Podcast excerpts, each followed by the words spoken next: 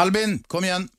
Ja, bra, bra. Först och främst vill jag bara tacka för det mest intressanta programmet. Men kom med fråga nu. Det är många som vill fråga.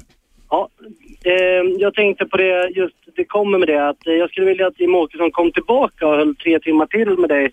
Det skulle vara jättetrevligt och eh, framförallt undrar jag om han tycker att massmedia sållar bort eh, negativ publicitet om, eh, om invandring och så vidare. Nu fick du en assist. Nu fick Ja, du en assist. Nu får Jimmy göra målet. men ja, tack, det- tack för samtalet. Det Ja. händer. Jag, jag har ju varit engagerad i de här frågorna i 17 år eller någonting sånt nu och det kan man ju notera att eh, svensk media i allmänhet har ju en agenda som går ut på att understödja det här projektet som innebär att vi ska ha massinvandring eh, i väldigt hög grad. En stor konspiration. Det, nej, det, jag säger inte att det är en konspiration, men jag säger att det finns en ovilja att, att lyfta fram kritiska röster. Det finns en ovilja att lyfta fram den kritiska debatten. Sen finns det undantag. Det här är ett sådant undantag och inte minst sen vi kom in i riksdagen så har det där förändrats ganska kraftigt vill jag påstå.